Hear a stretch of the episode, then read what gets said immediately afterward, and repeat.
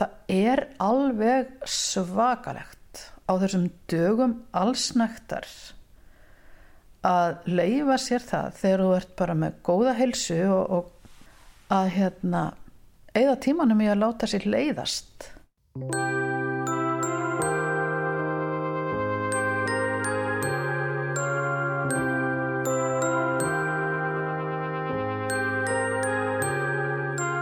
Þetta var Kristín Einarstóttir þjóðfræðingur.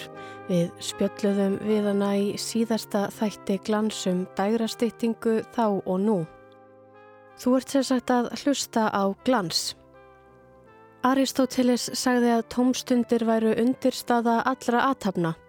Tómstundir í sjálfum sér veittu okkur ánæju, hamingju og lífsfyllingu. Þær heldu huganum í æfingu og hefðu áhrif á félagslegan og siðferðislegan þróska okkar. Þá sagði hann að markmið mentunar væri að gera okkur í stakkbúin til að nýta frítíma okkar göfuglega. Tómstundir væru tækifæri til að njóta þess sem fær okkur til að dapna, leggja rægt við listir, stunda íhugun, styrkja vinasambönd og sækjast eftir ágæti. Ef vinna snýstum að tryggja okkur lífsins nöðsinjar, snúast frístundir um að rækta það góða sem lífið hefur upp á að bjóða. Við ætlum að rannsaka aðeins nánar þessa kenningu Aristótelesar og hvort hún eigi en við. Hvernig eigum við að nýta frítím okkar er mikilvægt að eiga sér áhuga mál. Hvaða áhrif hefur það á okkur, líkama og sál, að stunda og rækta áhugamál? Með öðrum orðum, hver er ávinningurinn? Hvernig áhugamál eru best innan gæsalappa? Geta áhugamál verið flótti frá raunveruleikanum? Höfum við yfirleitt tíma fyrir áhugamál í hennu daglega amstri?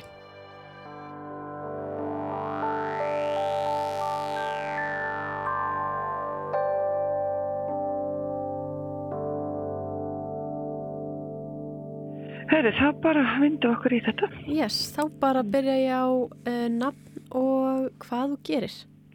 Já, Bryndis Einarstóttir og ég er sálfræðingur hjá Líf og Sál, sálfræðar ágjáða þjónustu.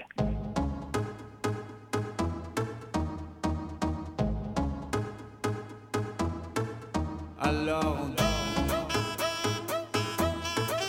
Alone. Svo ég byrja nú bara svona mjög aftarlega á umræðöfninu. Uh -huh. Þessi hugtök og skilgreiningar á þessum hugtökum eins og áhugamál, afþreying, tómstundir, frístundir, leikur og dægra stytting. Uh -huh. Er mikill munur á þessum orðum og hugtökum eða er þetta svo til að sé það sama? Eflust hafa einhverjir eh, og einhverjar fagstætti kannski ákveðna skoðunar því og þá kannski fólk sem er að stunda rannsóknir meira þegar ég er komin í starf með mínu skjólstæðingum og, og svona í, í mínu starfi þá nei raun og voru ekki. Við erum að tala um eitthvað sem að grýpur áhuga fólks, eitthvað sem veitir gleð og ánægju sem að tilheyri raun og voru ekki tíma sem annars fer í vinnu. Þannig að þetta er eitthvað sem að fólk gerir utan vinnutíma í sínu persónlega lífi sem veitir gleð og ánægju. Ég myndi alltaf setja þetta undir þann hatt. Myndur þú segja að við höfum þörf fyrir þetta? Þörf fyrir áhugamál og leik jafnvel á þessum svona fullorðins árum? Alveg klárlega. Þörf okkar fyrir tjáningu, fyrir leik, fyrir sköpun. Þetta er partur af mannlegu eðli. Þetta er bara partur af því hvernig mannshugurinn er. Hann er síbreytilegur og hann er raun og veru mannshugurinn vex og dafnar við augrun. Þegar ekki er augrun að þá hægist á og þá verður virkni minni og leikur og sköpun er leið til að þroska hugan okkar og við halda í raun og veru þroska. Og svona að því sögðu, hvaða áhrif hefur það á okkur að stunda áhugamál?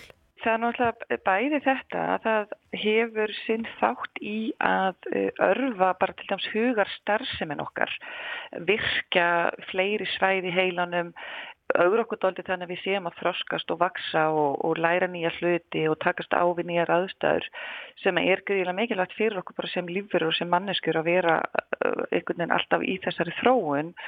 Það sérstaklega mikilvægt þegar við erum að takast á við til dæmis tilfinningavanda að því að þá er auki blóðflæði í svona hvað maður segja eldri pörtum heilans tilfinningakerfunum okkar og það að e, fanga hugan með einhverju sem er áhugavert og lætur okkur líða vel e, getur hjálpað að stabilisera blóðflæði í heilanum þannig að, að við verðum ekki eins först inn í tilfinninga e, sásökunum okkar. Þannig að það er ekki að neina til dæmis ef maður skoðar handbækur í hugræna aðtölusmæðferð fyrir til þess þunglindi og kvíða að eitt af því fyrsta sem að byrja að skoða er að setja inn auk, aukna virkni og þá sérstaklega eitthvað sem tengist áhugamál að virka einhvern veginn áhugasvið fólks. Já, þá mm -hmm. þegar fólk er að taka stáfið og horfa stjögu við kvíða og þunglindi. Já, þetta er eitt af bestu bjargráðanum sem við getum gripið í að það er að virka áhugasvið einstaklinga. Já. til að líka fá bara jákvæðri hormón inn í taugakerfið og jafnatóldi blóðflæði í heilanum og þannig að það, það er ekki allt blóðið í tilfinningakerfin sem halda okkur svona tóldi föstum í vanlegan stundum þetta er eitt gaglasta björgrað okkar Ég var líka búin að sjá uh, ekki rannsóknirnar sjálfar heldur niðurstur úr uh, ranns, sérst, það sem er tek, vísað í rannsóknir mm -hmm. og þar er mitt kom líka fram að þetta gæti hjálpa til við uh, minnisglöp, samkend að mm -hmm. takast á við sorg eða missi og að finna hjá sér svona merkingu og tilgang mm -hmm. lífsins. Bara klárlega og þetta er sko að því að þú talar eins og um, um hérna minnisglöpin og, og það er einhverju tengist því sem ég var að tala um fyrst, það er þetta að vera að færa heilanum verkefni. Ef hann færi ekki verkefni þá bara svona kóðnar hann niður. Þegar ég vinn tölvöld með eldriborgurum og fólki sem er svona að fara inn í þessar breytingar til dæmis að fara á eftirlaun og eitt af mikilvægast fyrir fólk sem er að fara inn í það æðiskeið er að finna sér verkefni sem augraðum sem að reyna doldið á hvort sem það eru þrautir eða, eða læri eitthvað nýtt eða læra nýtt hljóðfæri eða færi kór eða leysa bara flóknari krossgáttur eða lesum eitthvað sem það hefur ekki lesum um áður eða þjálfun á minni og að þjálfa í raun og veru hugan í að takast ávinn í verkefni e, vinnur mjög gegn þessu svona minnishörnunum. Samkendin þar, það er raun og verið það sama að það er í gegnum oft áhugamál sem við getum diffkað okkur sem fá meiri skilning, samkend getum sett okkur í spór annara og virkað alltaf þau kerfi og aftur það hefur líka alltaf að gera með að færa til blóðflæði í heilanum Og svo er, er að því þú myndist á sorgina og, og það er eitt sem ég vinn mikið með ástfennamissi og er, e, þetta er eitt af mikilvægastu bjargrána sem við setjum inn þar líka. Hvað, hvað getur fólk fengið í raun og verið pínu atkvarf inn í sársökunum? Maður getur auðvitað ekki fjarlagt þennan sársöka sem maður upplifir í, í sorginni en að geta verið með eitthvað atkvarf þrátt fyrir sorgina. Að geta leift sér að fara inn í eitthvað sem fangar hugamanns og ég menna að þú spári orðið á hugi mm -hmm. að hafa hugan á einhverju mm -hmm. orðið er og verið félur þetta í sér að það er að færa hugan á eitthvað sem fangar aðdeglin okkar og það er það sem þetta snýst alltaf um Svona svo ég held áfram að rekja í gegnum þar sem að ég rakst þarna á og, og mhm. kanna sönna mhm. gildi þess þá sá ég líka að þetta var áhrif á uh, mögulega mentuna og, og tekju möguleika og mhm. jafnframt á vinnustæði og vinnustæðir væri farnir að viðurkenna í meira mæli áhugamál og frístundir sem skref í áttað velgengni fyrirtækja. Starfsmenn eigi auðveldara með að leysa verkefni og koma einhvern veginn svona ferskari inn eigið þau sér áhugamál sem stundi. Ég er svo sem eh, hef ekki rannsóknir höndanum það sem get uh, vísað í mm. en ef maður spáir í, í raun og veru bara eins og þetta sem við vorum að fara í gegnum að ef að við erum að virka hugan okkar semst, með einhverju sem að uh, kveikir í okkur, sem að fangar hugan, sem okkur finnst áhugavert og skemmtilegt það hjálpar okkur að balansera okkur í vanlíðan hvort sem það er við erum áhugjur eða eitthvað döpur eða takast á við sorg eða erfa breytingar í lífinu að það að stunda einhvers konar áhugamál eða hafa einhverja leiðir til að sinna áhugamálum utan vinnu það er allt að hafa áhrif á að við erum í meira jafnvægi og við erum í virkari huga, frjóri huga, það hljótu við að vera orðin afkasta meiri vinnu.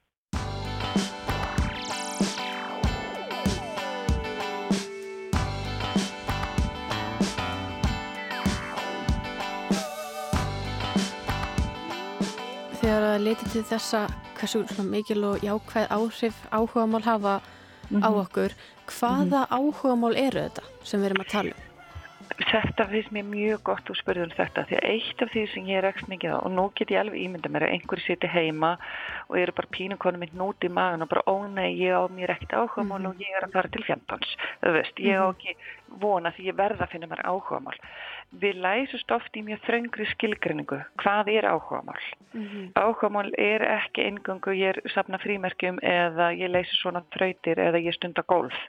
Áhugamál meg við skilgrina mjög vítt í raun og veru bara allt sem vekur áhugamanns ég til dæmis hef mjög gaman að mannkynnsögu og ég er, einmitt, ég er svo hérna, spennt mér svo skemmtilega þættirni sem þeir eru að sína núna á, í sjónvarpinu mestu legar mannkynnsögunar nú, nú bara, ég get ekki beðið eftir næsta þætti sko, að, að hérna ég er ekkit sérstaklega að sinna þessu sem áhugamálu ég, þetta er ekkit endla eitthvað sem ég nefni sem eitthvað sér, sértækt afmarka áhugamál en mannkynnssaga og saga almennt grýpur áhuga minn Þannig ég leitast eftir upplýsingum þegar ég er einhver staðar eða ég hlusta frekar eftir og ég les frekar viðtöl í blöðum. Það grýpur mig frekar. Þannig að áhugamál þarf ekki að vera mjög þröngt afmarkað heldur um að viti hvað vekur áhuga minn. Hvað finnst mér áhugavert? Hvað finnst mér skemmtilegt? Mm -hmm. Það var nú einhvern tíman sko, mér, hérna, ég get nú skemm, skemmtilega að þú talar um leik líka. Mm -hmm að ég lendur nú einhvern tíman í því að maður fær nú oft skjólstæðinga og maður veit ekki það síðan þekkjast skjólstæðingarnir sína á milli, maður hefur ekkert spáð í það Mm. og, og svo fekk ég nýjan skjólstæðing og, og hún sagði við mig, ég, ég er ekkert að rjúfa neitt trúna hérna sko, að þetta er skemmt að segja og hún sagði við mig, hún sagði, já ég er svo spennt að hitta rólásálfræðingin og ég var alveg, hæ, já vissur það ekki, þú er kvöldur rólásálfræðingin og ég hefði, nú, af hverju? Já það er sko þrjára vinkunum minn sem hafa verið hjá þér og það, þú er alltaf sett þær út á róló að leika sér og ég bara, já, er það enn gaman, ég var svo upp með mér að hafa fengið þetta gælunefni að því það er svo mikilvægt að hérna, við leikum okkur og við bæði hreyfum okkur og við fyrir maður út fyrir ramman okkar og við augrum okkur doldið að, og bara hafa áhuga á því að prófa nýja hluti til dæmis. Þannig að sem hluti af svona þinni meðferð sem sálfræðingur þá sendir stundum fullorðið fólk út að leika sér á róló. Alveg klárlega, þannig að við séum fólk er rólund og viti hvað við hafa fyrir. En það, þetta er bara svo gaman. Já, Ég veit alltaf til þess að bara, hérna, nú þegar við, ég, veit nú ekki með að það er að spritta rólurnar í dag sko, en að leifa sér að leika sér og, og að því það, þá fáum við svo mikið að góðum bóðum, það verður slaki í kerfinu, spennulósun, en, en það er einhvern veginn bara hvað, það er blóðið til að renna þess hjá mér. já, Þannig ég þarf ekki að taka upp formlegt ákomál sem ég þarf að sinna einu sinni í viku og ramma þetta stíft inn. Auðvitað get ég gert þá mörg áhugamál eru af þeim toga en bara fólk ekki láta hugfællast þó að þeir sé ekki með skýrt afmarka áhugamál.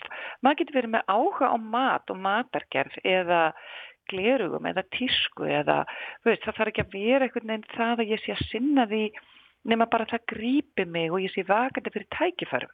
Þannig að, að, já, gefa sér smá sjans, skilgrandi í dóli víðu samengi. þannig að maður heldur ekkert eitthvað svona að reyna að sitja við og prjóna til að Nei, búa sér til áhuga. Til áhugamál.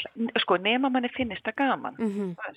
Ef að það er eitthvað sem er gefandi fyrir mann, það er til dæmis, ég myndi bara, það þurft að loka mig inn á endanum, af því ég gæti, ég bara get ekki handavinnu, sko. Ég verð svo pyrruð og svegt og, og vonlaus. Að Þannig að það var ekki góð hugmynd til þess fyrir mig. Aftur á móti finnst mér rosalega gaman að bera palla.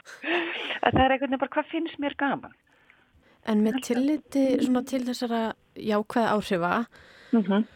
eru þá áhugamálun öll jöfn? Veita þau okkur í jafn svona Mikla uppfyllingu. Já, ef að manneskan er trú sjálfur sér, ef hún er heiðuleg við sjálfa sig með að það sem ég er að gera vekur áhuga minn og það er gefandi fyrir mig og ég er að gera ráð fyrir að, að það sem að manneskin er að viðhafast sé ekki skadilegt fyrir hana, Mhm. að þá gefur það mest. Þannig að þú getur ekki lagt að jöfnu og það er ekkert að segja að þetta áhugamáli meira gefið en þetta, af því þetta er alltaf spurning um persónlega upplifin. Og líkilatur þar er, er manneskjan trú sjálfur sér og heiðalegi eigingar. Er hún að prjóna að því að það þykir gott áhuga mál eða er hann að prjóna því það virkilega veitir hann ánægju, mm. skilur að vera heiðalegur gagvart sjálfum sér og, og vi, vera vissum að maður sé að gera það sem nærir mann og ef maður er þar, þá er það alltaf besta.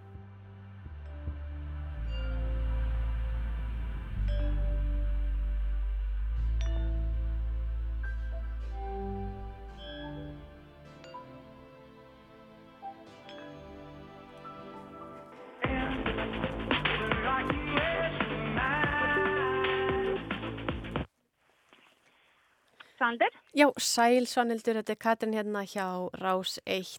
Já, sæl og blessu. Hæ, hvernig hitt ég á þig? Bara svona ágætlega reyndar, sko, ég held ég væri komin heim, er, getur þú hingra og gefa mér 5 minnur að ég kemst heim? Ekki málið, ég, uh, ég ringi aftur eftir 5. Æði.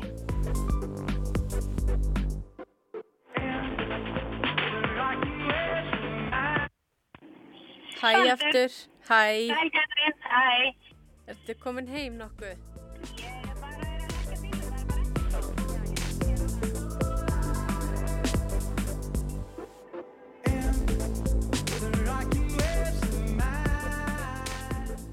Uh, ég heiti Svanildur Eva Stefansdóttir og er verslunar eigandi á verslunar spilavinnir.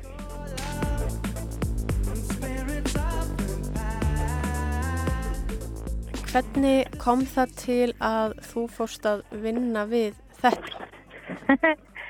Ég hafði alveg skapaði mér þetta starf og náttúrulega er ekki hérna, það var ekki eitthvað bara slembulukka, heldur uh, að ég sérst að vann að þessu, var með hugmynd með vinkonu minni og fór bæði á námskeið og vegum innsæknustofnunar og háskólanum í Reykjavík um stofnun og rekstur á, á vestin og hvað maður geti gert. Og af hverju spilin? Af hverju að fara að selja Já. spil? Selja spil? Jú, ég hef alltaf verið spilamannski og hef haft gaman af spilum og það er eitthvað sem hefur verið mikið í, í lífi mínu. Þannig að ég, þegar ég fór að hugsa hvað ég myndi vilja gera, þá kom það svolítið svona. Hvað eru áhuga málið þín? Hvernig getur það minnaði áhuga mál og aðtunni saman? Og þá kom þetta bara upp að, að spil væri mér svona sett hugleikin og út frá því hvað maður hugmyndir var kannski sumuleið til hvort að það væri kaffuhúsi eða hvað en það var svolítið fyrir tíma kaffuhúsa í þessu en, eh, en það var þess að, að, að þá fór ég og, og ég þá opna spilaverslun. Stór hluti sko af hugmyndinni gengur alltaf út og svolítið að, að kenna og leifa öðrum að upplifa. Þess að þetta var ekki bara hugmynd að, að opna verslun heldur þetta var alltaf hugmynd sem sagt að vinna að geta kent og, og leta öðrum að upplifa vegna þess að stór hluti er að margir hafa ekki kynst þessu sem er til og finnst það framandi og setjast ekkert með spilakassan opnan og hugsa já, vá, þetta ætla ég að gera. það þarf ofta að leifa öðrum að upplifa og pröfa.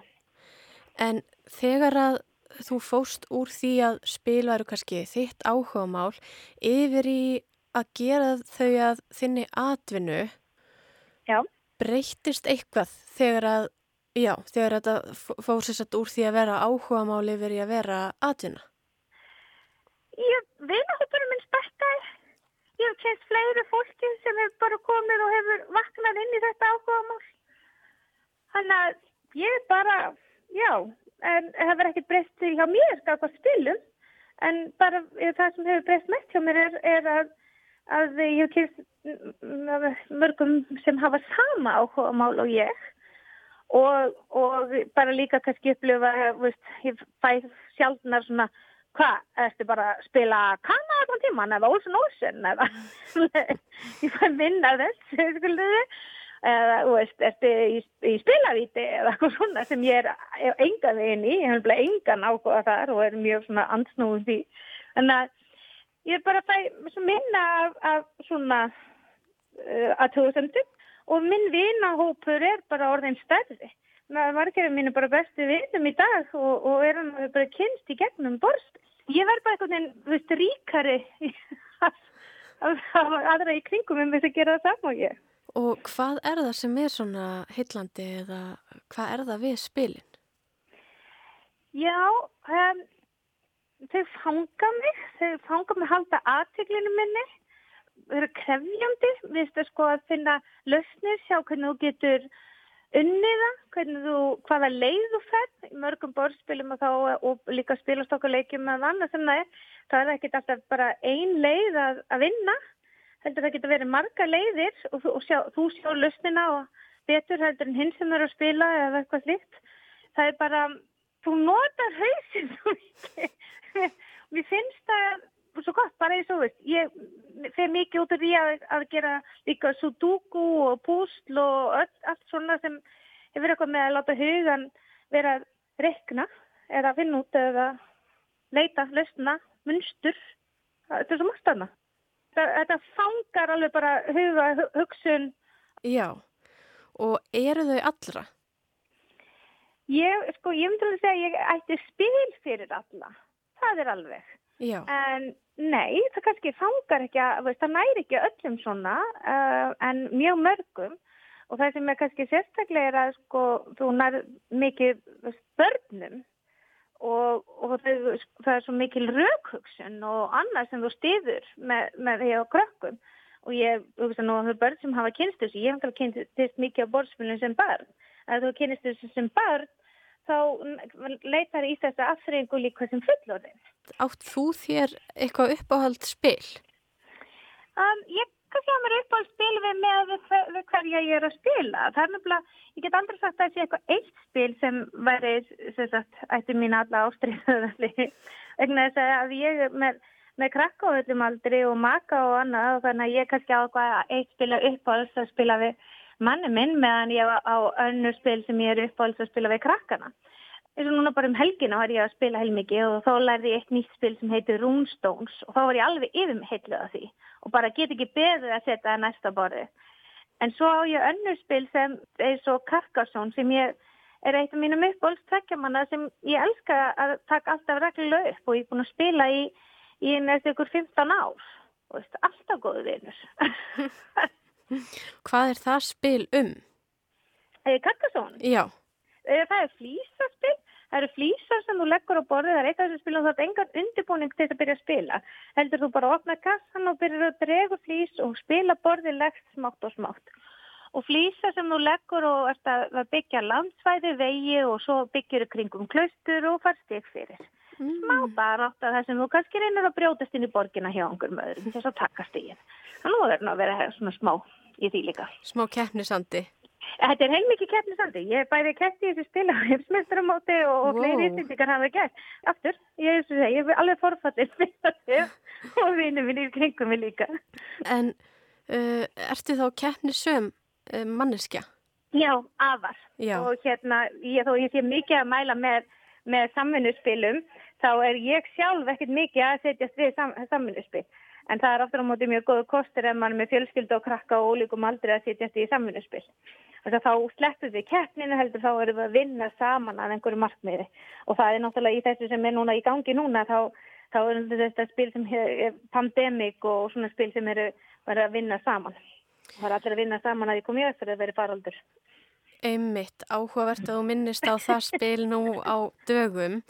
Uh, ég hef séð á samfélagsmiðlum einmitt að fólk sé að spila þetta spil. Ég hef aldrei hýrt um það.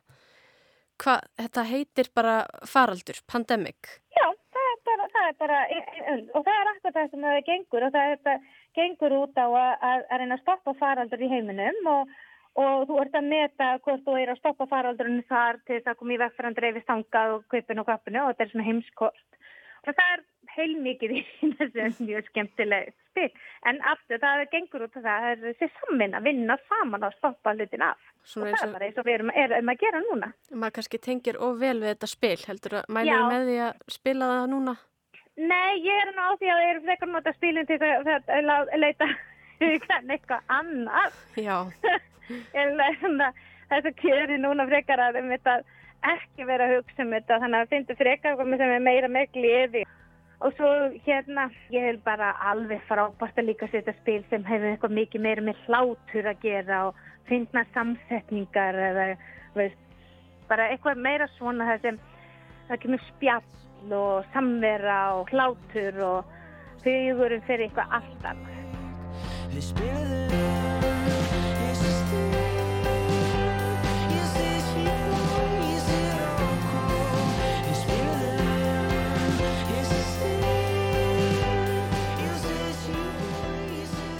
Er þetta að segja að svona einhver, ákveðin spil séu vinsæl einmitt um þessar myndir? Já, sko, ég verð náttúrulega, það þarf að vera, hvernig er heimilið? Skilur þú, veist, er þetta með úlinga eða er það bara tveir fullornir eða, veist, þannig að finnst það svolítið skiptamáli. Ef við værum bara hérna, hjónum bara tveir fullorinn, þá væri ég bara í einhverjum góðum strategískum alls konar bæði stuttum og löngum tveggjamanna leikjum. En, um, en ég er með krakkarum núna heima og, og það er lítið af skóladeginum og þá er ég svona fyrir utan svona spilin sem við erum vanalega að spila og höfum gaman að en þá er ég kannski núna aðeins að bæta e- meira inn í meira starffræðarspilum og raukhugsun og, og svo taka þau svona spuna session í, í, líka og ég sitt og púsla á meðan eitthvað. Spilið þið oft í viku, fjölskyldan? Já, já, já, já, fjölskyldan saman, já, þú veist, ég er með svona samsetta fjölskyldu, þannig að uh, ég er, erum með börnin aðra konu á viku, þannig að, og svo, svo eru líka og svo þeir börnin sem eru flutta heimann, þannig að- við reynum ofta að koma öllum saman, þannig að það er kannski, þú veist, einu sinni í viku, en vikan sem krakkarnir eru- saman, þá erum við eru glæð þess að þrísvar sem við rúlum spilakvöldi, en ég Já. spila kannski tveist og þrísvar í viku með, með vinum, Já. En ég spila hverjum degi, það, það er bara eitthvað ég... Og er það þá kannski kvöldstundin í staðin fyrir að kveikja sjónvarpinu og þess áttar? Uh, það þarf ekki endilega, hvori tveggja getur gengið, skilur þú, maður getur tekið eitt gott spil og svo, þú veist, enda kvöldið og kúra yfir um einum þætti í 30 mínútur og það svoleiðis. Ég eftir máta eins og mér spilum það finnst mér þetta oft verið bara samblanda, mér oft sko, fólk held að það, það, það, þú veist, ef þú ákveður spilakvöld þá þurfur bara allt kvöld að fara í spilakvöld, sko. Það er ekkert endilega, ekkert með fjölskyldi, þá gerir við bæði. Sittist og spilum smástund svo stendur svo 11 voru upp og hann er kannski búin að fá nóg og, og fer og sett í einhver af þessum tölvuleikjum sem eru Já. heimili hjá okkur er ekki bara veist, við erum með tölvuleiki og við að allt sem er þannig að eitt ekki þurfa að núla annað út það er sest með bók og það er sest og heklað og það er sest og málað og það er allt mögulegt þannig að með bæði. Og myndir þú segja að Íslendingar séu hrifnir af spilum? Ég held að það alltaf fyllt okkur vegna þess að við, höfum- við erum fólk sem erum uh, mikið innivið, það er mikið innivera hjá okkur. Og, og hérna er það mikið með að við ólumst náttúrulega upp með, með spilastokkin með 52 mannspil. Og það er sko, það er ennþá myndi ég segja að ég bara mætti velja eitthvað neitt hlut, þá myndi ég ennþá velja 52 mannspil. Settum á eðegi og ég bara spilast okkur og ég bara allsæðil sko. Ég geti bara í sótt í tvær viku með spilastokk. Vá. Átt þú sjálf mörg spil? Jú, jú, ég reyfi þau samt til, sko, ég veist, um, á heimilum hefur séð svona bókahillur. Mhm. Bókahillan hjá mér kannski svolítið stór, en hún er ekki með bókum í. Mhm. Og það, það er eitt vekkur hérna bara í stofunni sem er bara með spilum á. Já. Og, en ég líka skipti þeim út, og þannig að, að ef eitthvað spil er ekki reyfingu er ekki að nota, er að nota þá, þá fær, fær ég það til. Þannig að, Mm. já, bara ef þú stóður með bækur, bara bækur í hillinni sem svo sem í nótkunnun, annars færir það til annarkvæmt pakkar þeim niður eða færir það sem ég eh, og spilavinnir eigum gott samt saman um 1400-1500 stil, þannig að það bara færast í spilum mín sem ég er ekki með nótkunn tanga. Ég heima er kannski með einhver, ég veit það ekki, 150 spil eða eitthvað, er ekki, ekki þannig sko. Myndir þú mæla með því að spila fyrir fólk sem er núna í einangrun eða sóttkví eða bara halda sig heima við? Ó, já. Ég, það er nú búið að vera svolítið skemmtileg umræði hérna sem svona borðspila spjalli. Og þá var um þetta að segja hérna, hérna, mættum að halda að ég hafi verið undirbúað mig fyrir sótkvíð síðastlegin tíu ár. Og tók mitt að spila skapn og annars er það, já, ég lendi í sótkvíð eitt að ég sko að hitla mín sem er fyrir einsmannsspil er alveg, er, alveg, er, er tölverð stór. Ég sitt bara með þetta og hitt og svo er postað myndir af það sem er að leysa verkefnin eitt sko. Þannig að, eins og segi, það er það er svona minnsta stressið í okkur svona borðspilafólkinu að vera að fara í sótkvíði saman sko. Þannig að Já. það virðist ekki vera áhyggjaefni hjá okkur. Nei. eira tímónum inni, við erum kannski svolítið innubúkar við erum ekkert voða mikið að, að hlaupa upp á fjöld og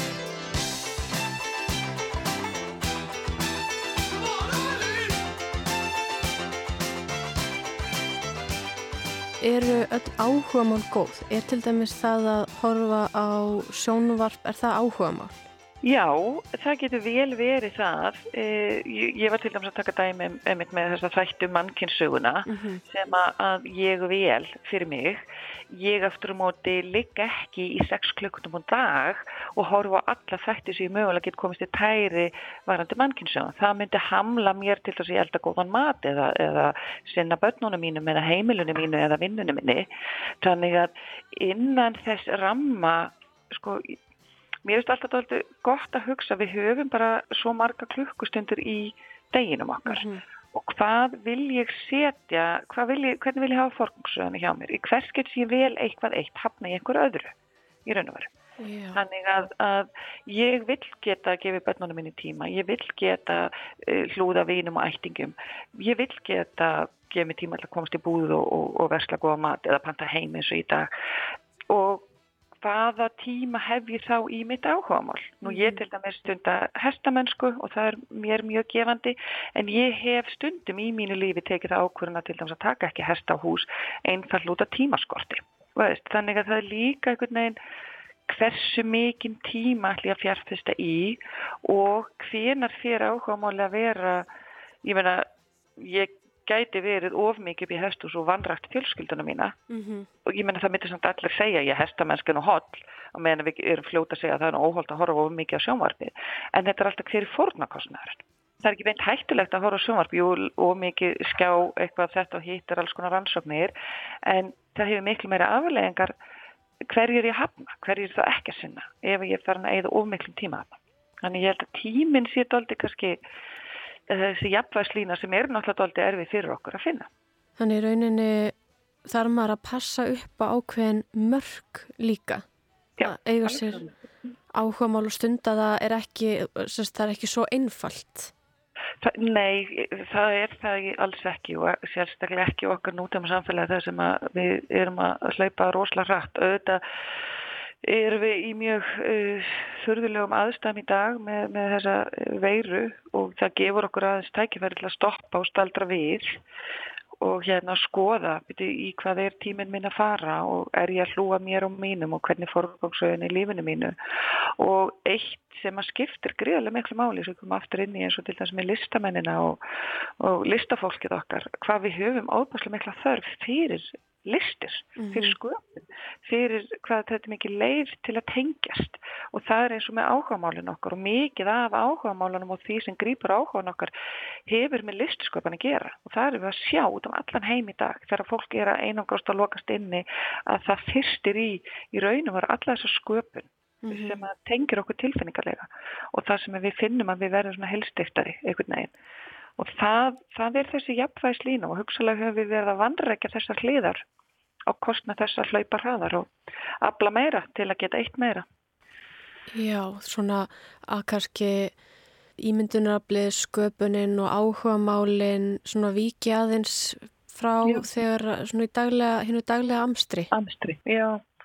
Og sumir er meitt sko tala um þetta að staldra við og þetta að, að til dæmis að leiðast. Ég manna mamma sagði oft við mig sko mér leittist hún sagði, æ það er nú frábært, þá getur þú fundið upp á einhverju sniðu sko. Og ég vil nú meina að, að það að leiðast sé raun og veru ekki til frekar en leti en það er akkur þetta, ég hef ekkert að gera akkur þetta þessu augnabliki og hvaða tækifæri felst í því. Tækifæri er að þá stoppa ég aðeins og ég horfi kringum mig, ég horfa umhverju mitt og ég horfa inn á við og þá get ég farið að velta fyrir mig hvers þarnast ég núna, hvað langar mig núna eða hvað kveikir áhuga minn í umhverjunu sem ég er að horfa á í kringum mig núna og þarna liggja svörin okkar. Þannig að, að finna hvað grýpar áhugan, að rækta áhugamál, grunnforsenda þess er að geta stoppað og hlustað og tekið eftir. Þannig að við þurfum þá kannski smá að láta okkur leiðast að, að það er einhvern veginn verður til þessi örfun og umhugsun og þess að það. Það er bara það er uppspretta sköpunar og, og áhuga, vakningar í raun og veru.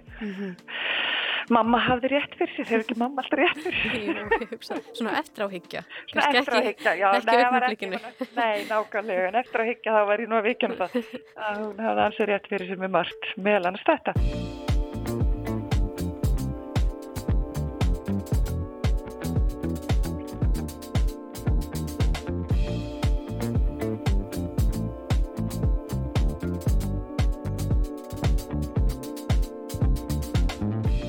Eitt sem ég hef svolítið verið að velta í fyrir mér að því að nú á ég mér mörg áhuga mál og ég veð úr einu í annað og svona staldra oft stutt við hvert.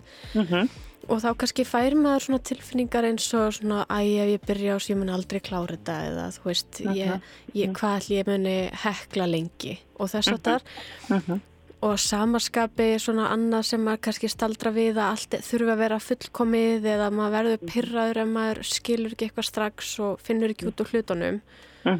Er eitthvað svona ráð við, við þessum svona áskorunum sem geta komið upp þegar að maður er að reyna að rækta sitt áhugamál? Alveg klárlega. Og þarna einmitt að þú minnist að fullkomnunar áratuna og þessi, þessi þörf okkar fyrir að klára verkefnin okkar. Mm -hmm. Sem er bæði mismunandi á milli einstaklinga en ég held að hluta til er þessi plantað í okkur líka bara í gegnum menningun okkar, samfélagið að við eigum að klára verkefnin okkar. Mér finnst að ég hef þetta aldrei gaman að því að augra svona samfélagslegum gildum stundum.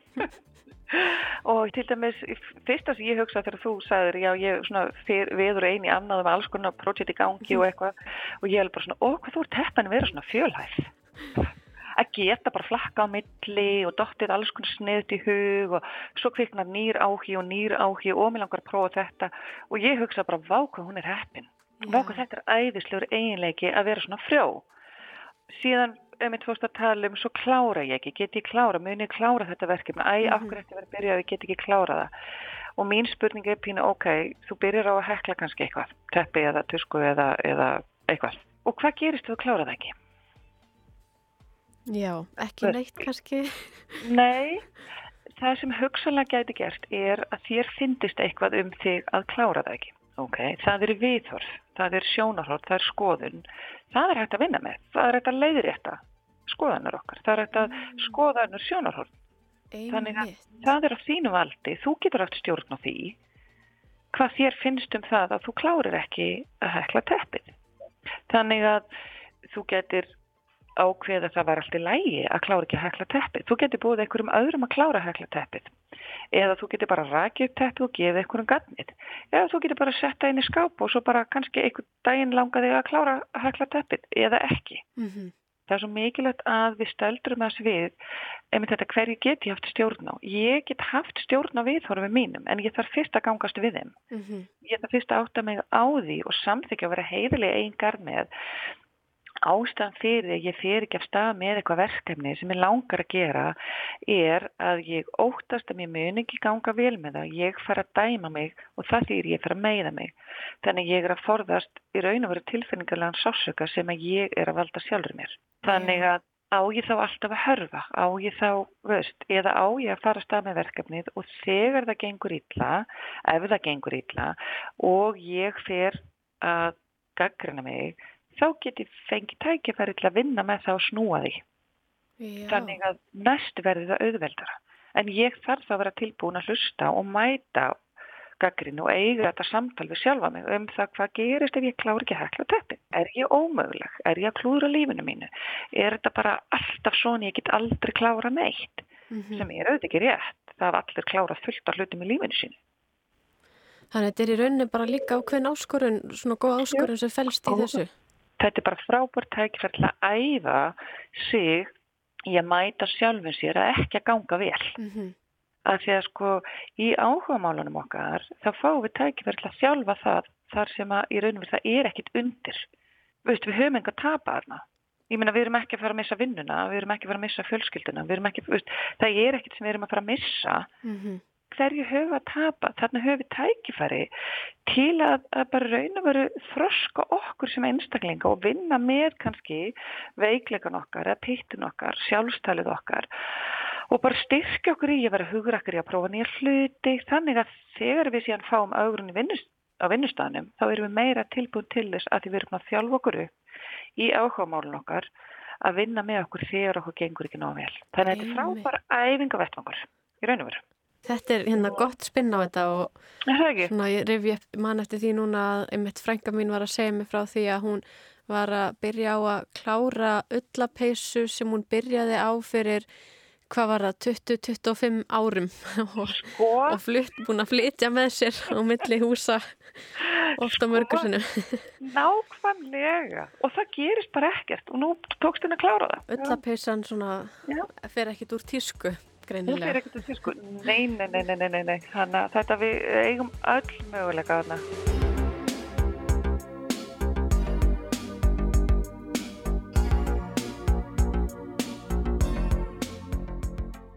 En um, er þetta að segja að áhugamál geti verið flótti frá raunveruleikan? Áhugaverð pæling. E, þá í rauninu veru, þú veist að við sálfræðingar erum alveg snillingar að svara spurningum með spurningum. e, hvað er raunveruleikin, myndi ég þá alltaf spyrja. Mm. Hvað fælst í, hver er raunveruleikin? Veruleikin sem ég er að lifa í raun og veru. Mm og veruleikin minn, veist, hver er hann?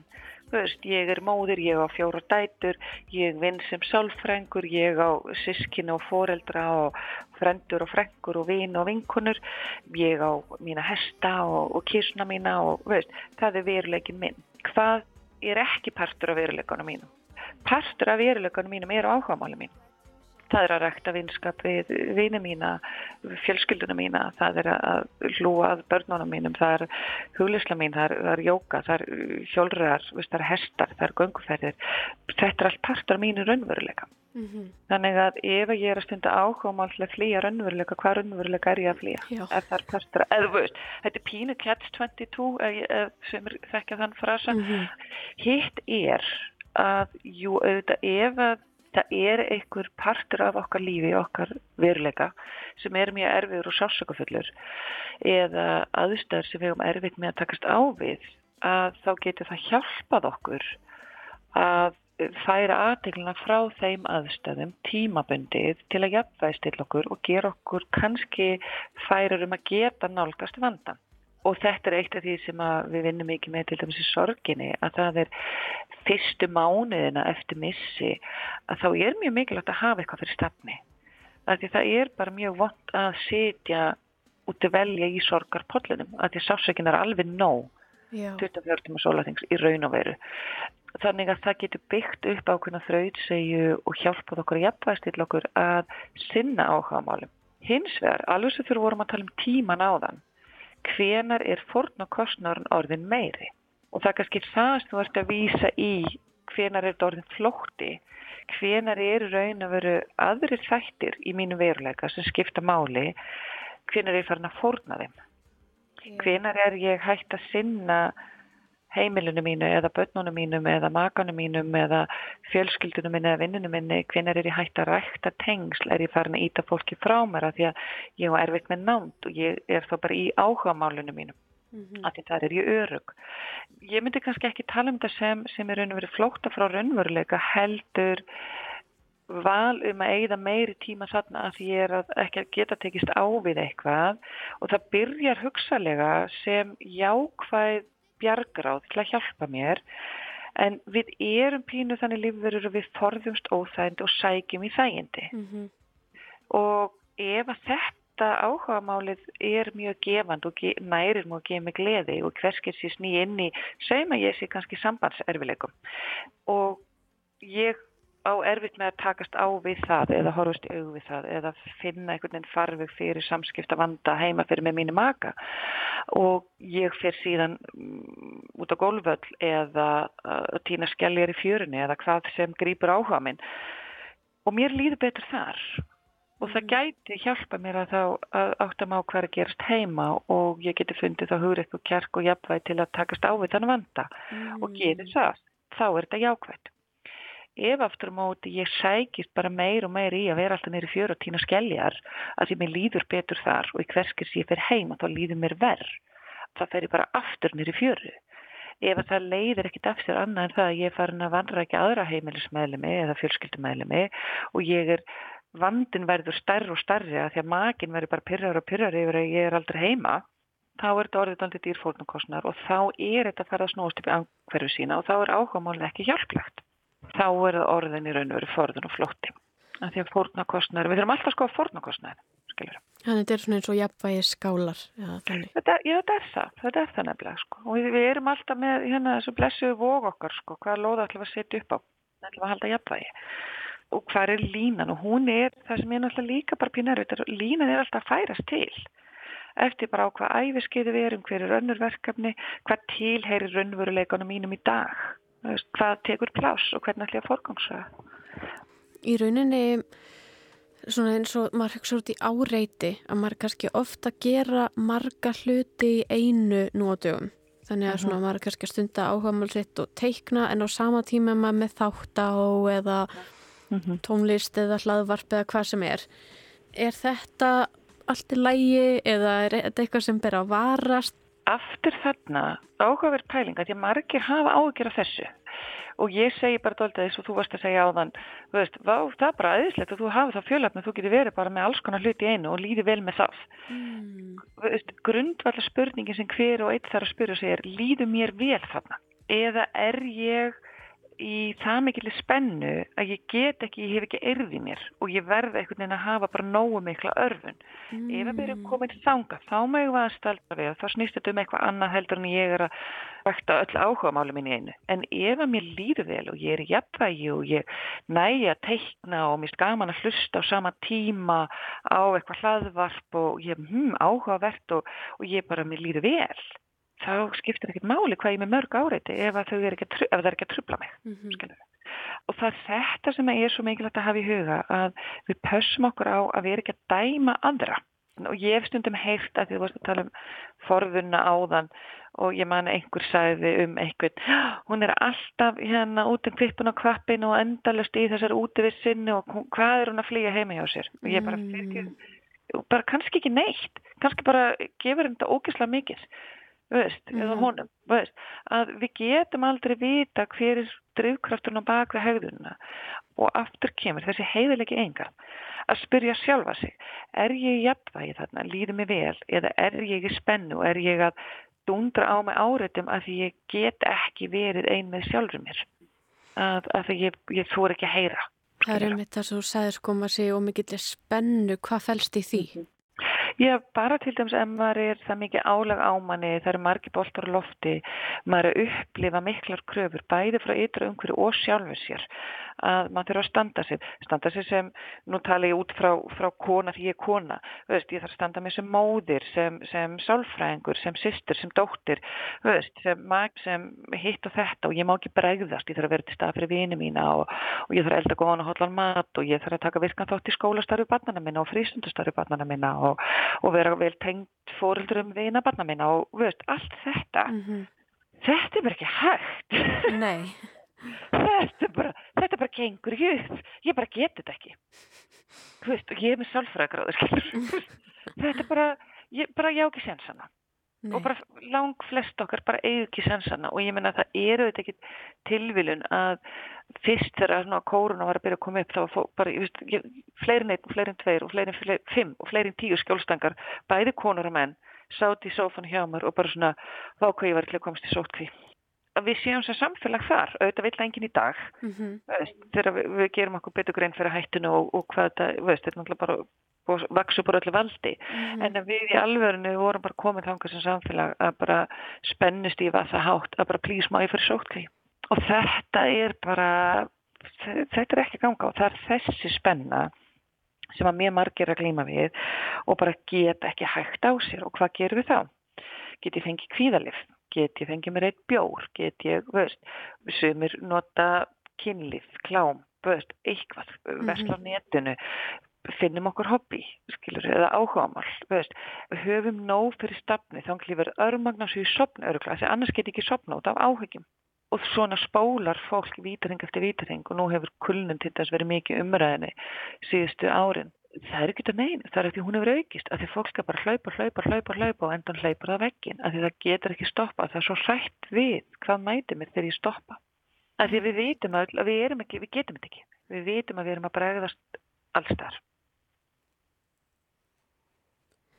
Og hvað, já, ég verð að segja, að, við, að einhverju leiti, við erum ekkert að klúða veist, en við erum, við, við, að því það, aftur, við getum ekki verið gert á kröfu sem fullkomin, Nei, getum ekki verið fullkomin í öllum hlutverkum alltaf á sama tíma, það er ekki hægt, þannig að það er kannski það sé á þér, þú veist, og leiðin til að komast, því að ég hugsa nefnilega margir tengi við þetta einmitt, Mhm, sko, að vera bræðast Mhm. og er það sem þá í rauninni bara hjálpar okkur að einhvern veginn komast út úr þessu þá bara að það kannski þarf, þarf margt til Það þarf náttúrulega bæði eins og þetta sem við vorum aðeins að tala um áðan, sko, varandi fullkomna orðun og þetta bara hvaða við þurfum hef ég til mín, mm hvað er, og forgangsraða, hvað er raunverulega mikilvægast fyrir mig. En það er líka þetta að leifa sér að sleppa boltanum, sko, á, til dæmis þegar ég er heima, Mhm. hversu mikið er það að hjálpa mér að hugsa um vinnuna? mm, Er ég að leysa eitthvað þar? Veist?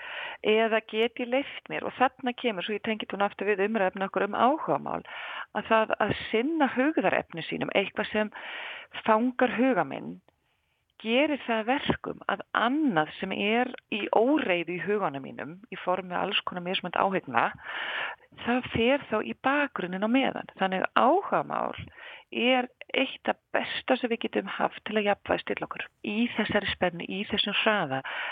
Aftur sem ég tala um, um eins og hestana hjá mér, þetta er bara besti jafnvæðstilli sem til er, þó ég sé ekki einu svona frá höspa, bara þetta, veist, ég sé að mók skýtar að besta sem ég get gert, veist, og bara við hlusta á jafnlið í hestan þegar þeir eru að borða, spjalla við og kempa þeim, bara að sinna áhugamáli að það fangar hugamanns og þá getur annað fallið aðeins í bakgrunnin og hægt að poti mig. En þetta er oft svo mikið innri kröfur sem er að tröfla okkur, einhvern veginn.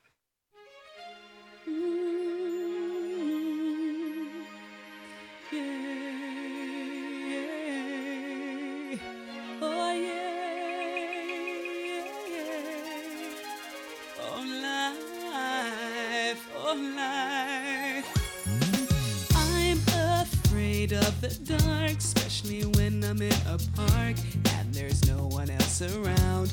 Ooh, I get the shivers. I don't wanna see a ghost. It's a sight that I fear most. I'd rather have a piece of toast. Watch the evening news.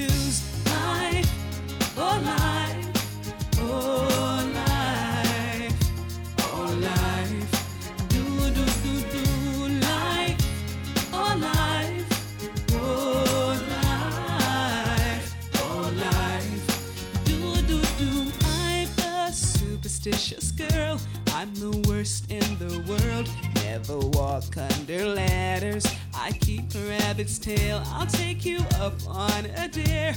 Anytime, anywhere. Name the place, I'll be there. Bungee jumping,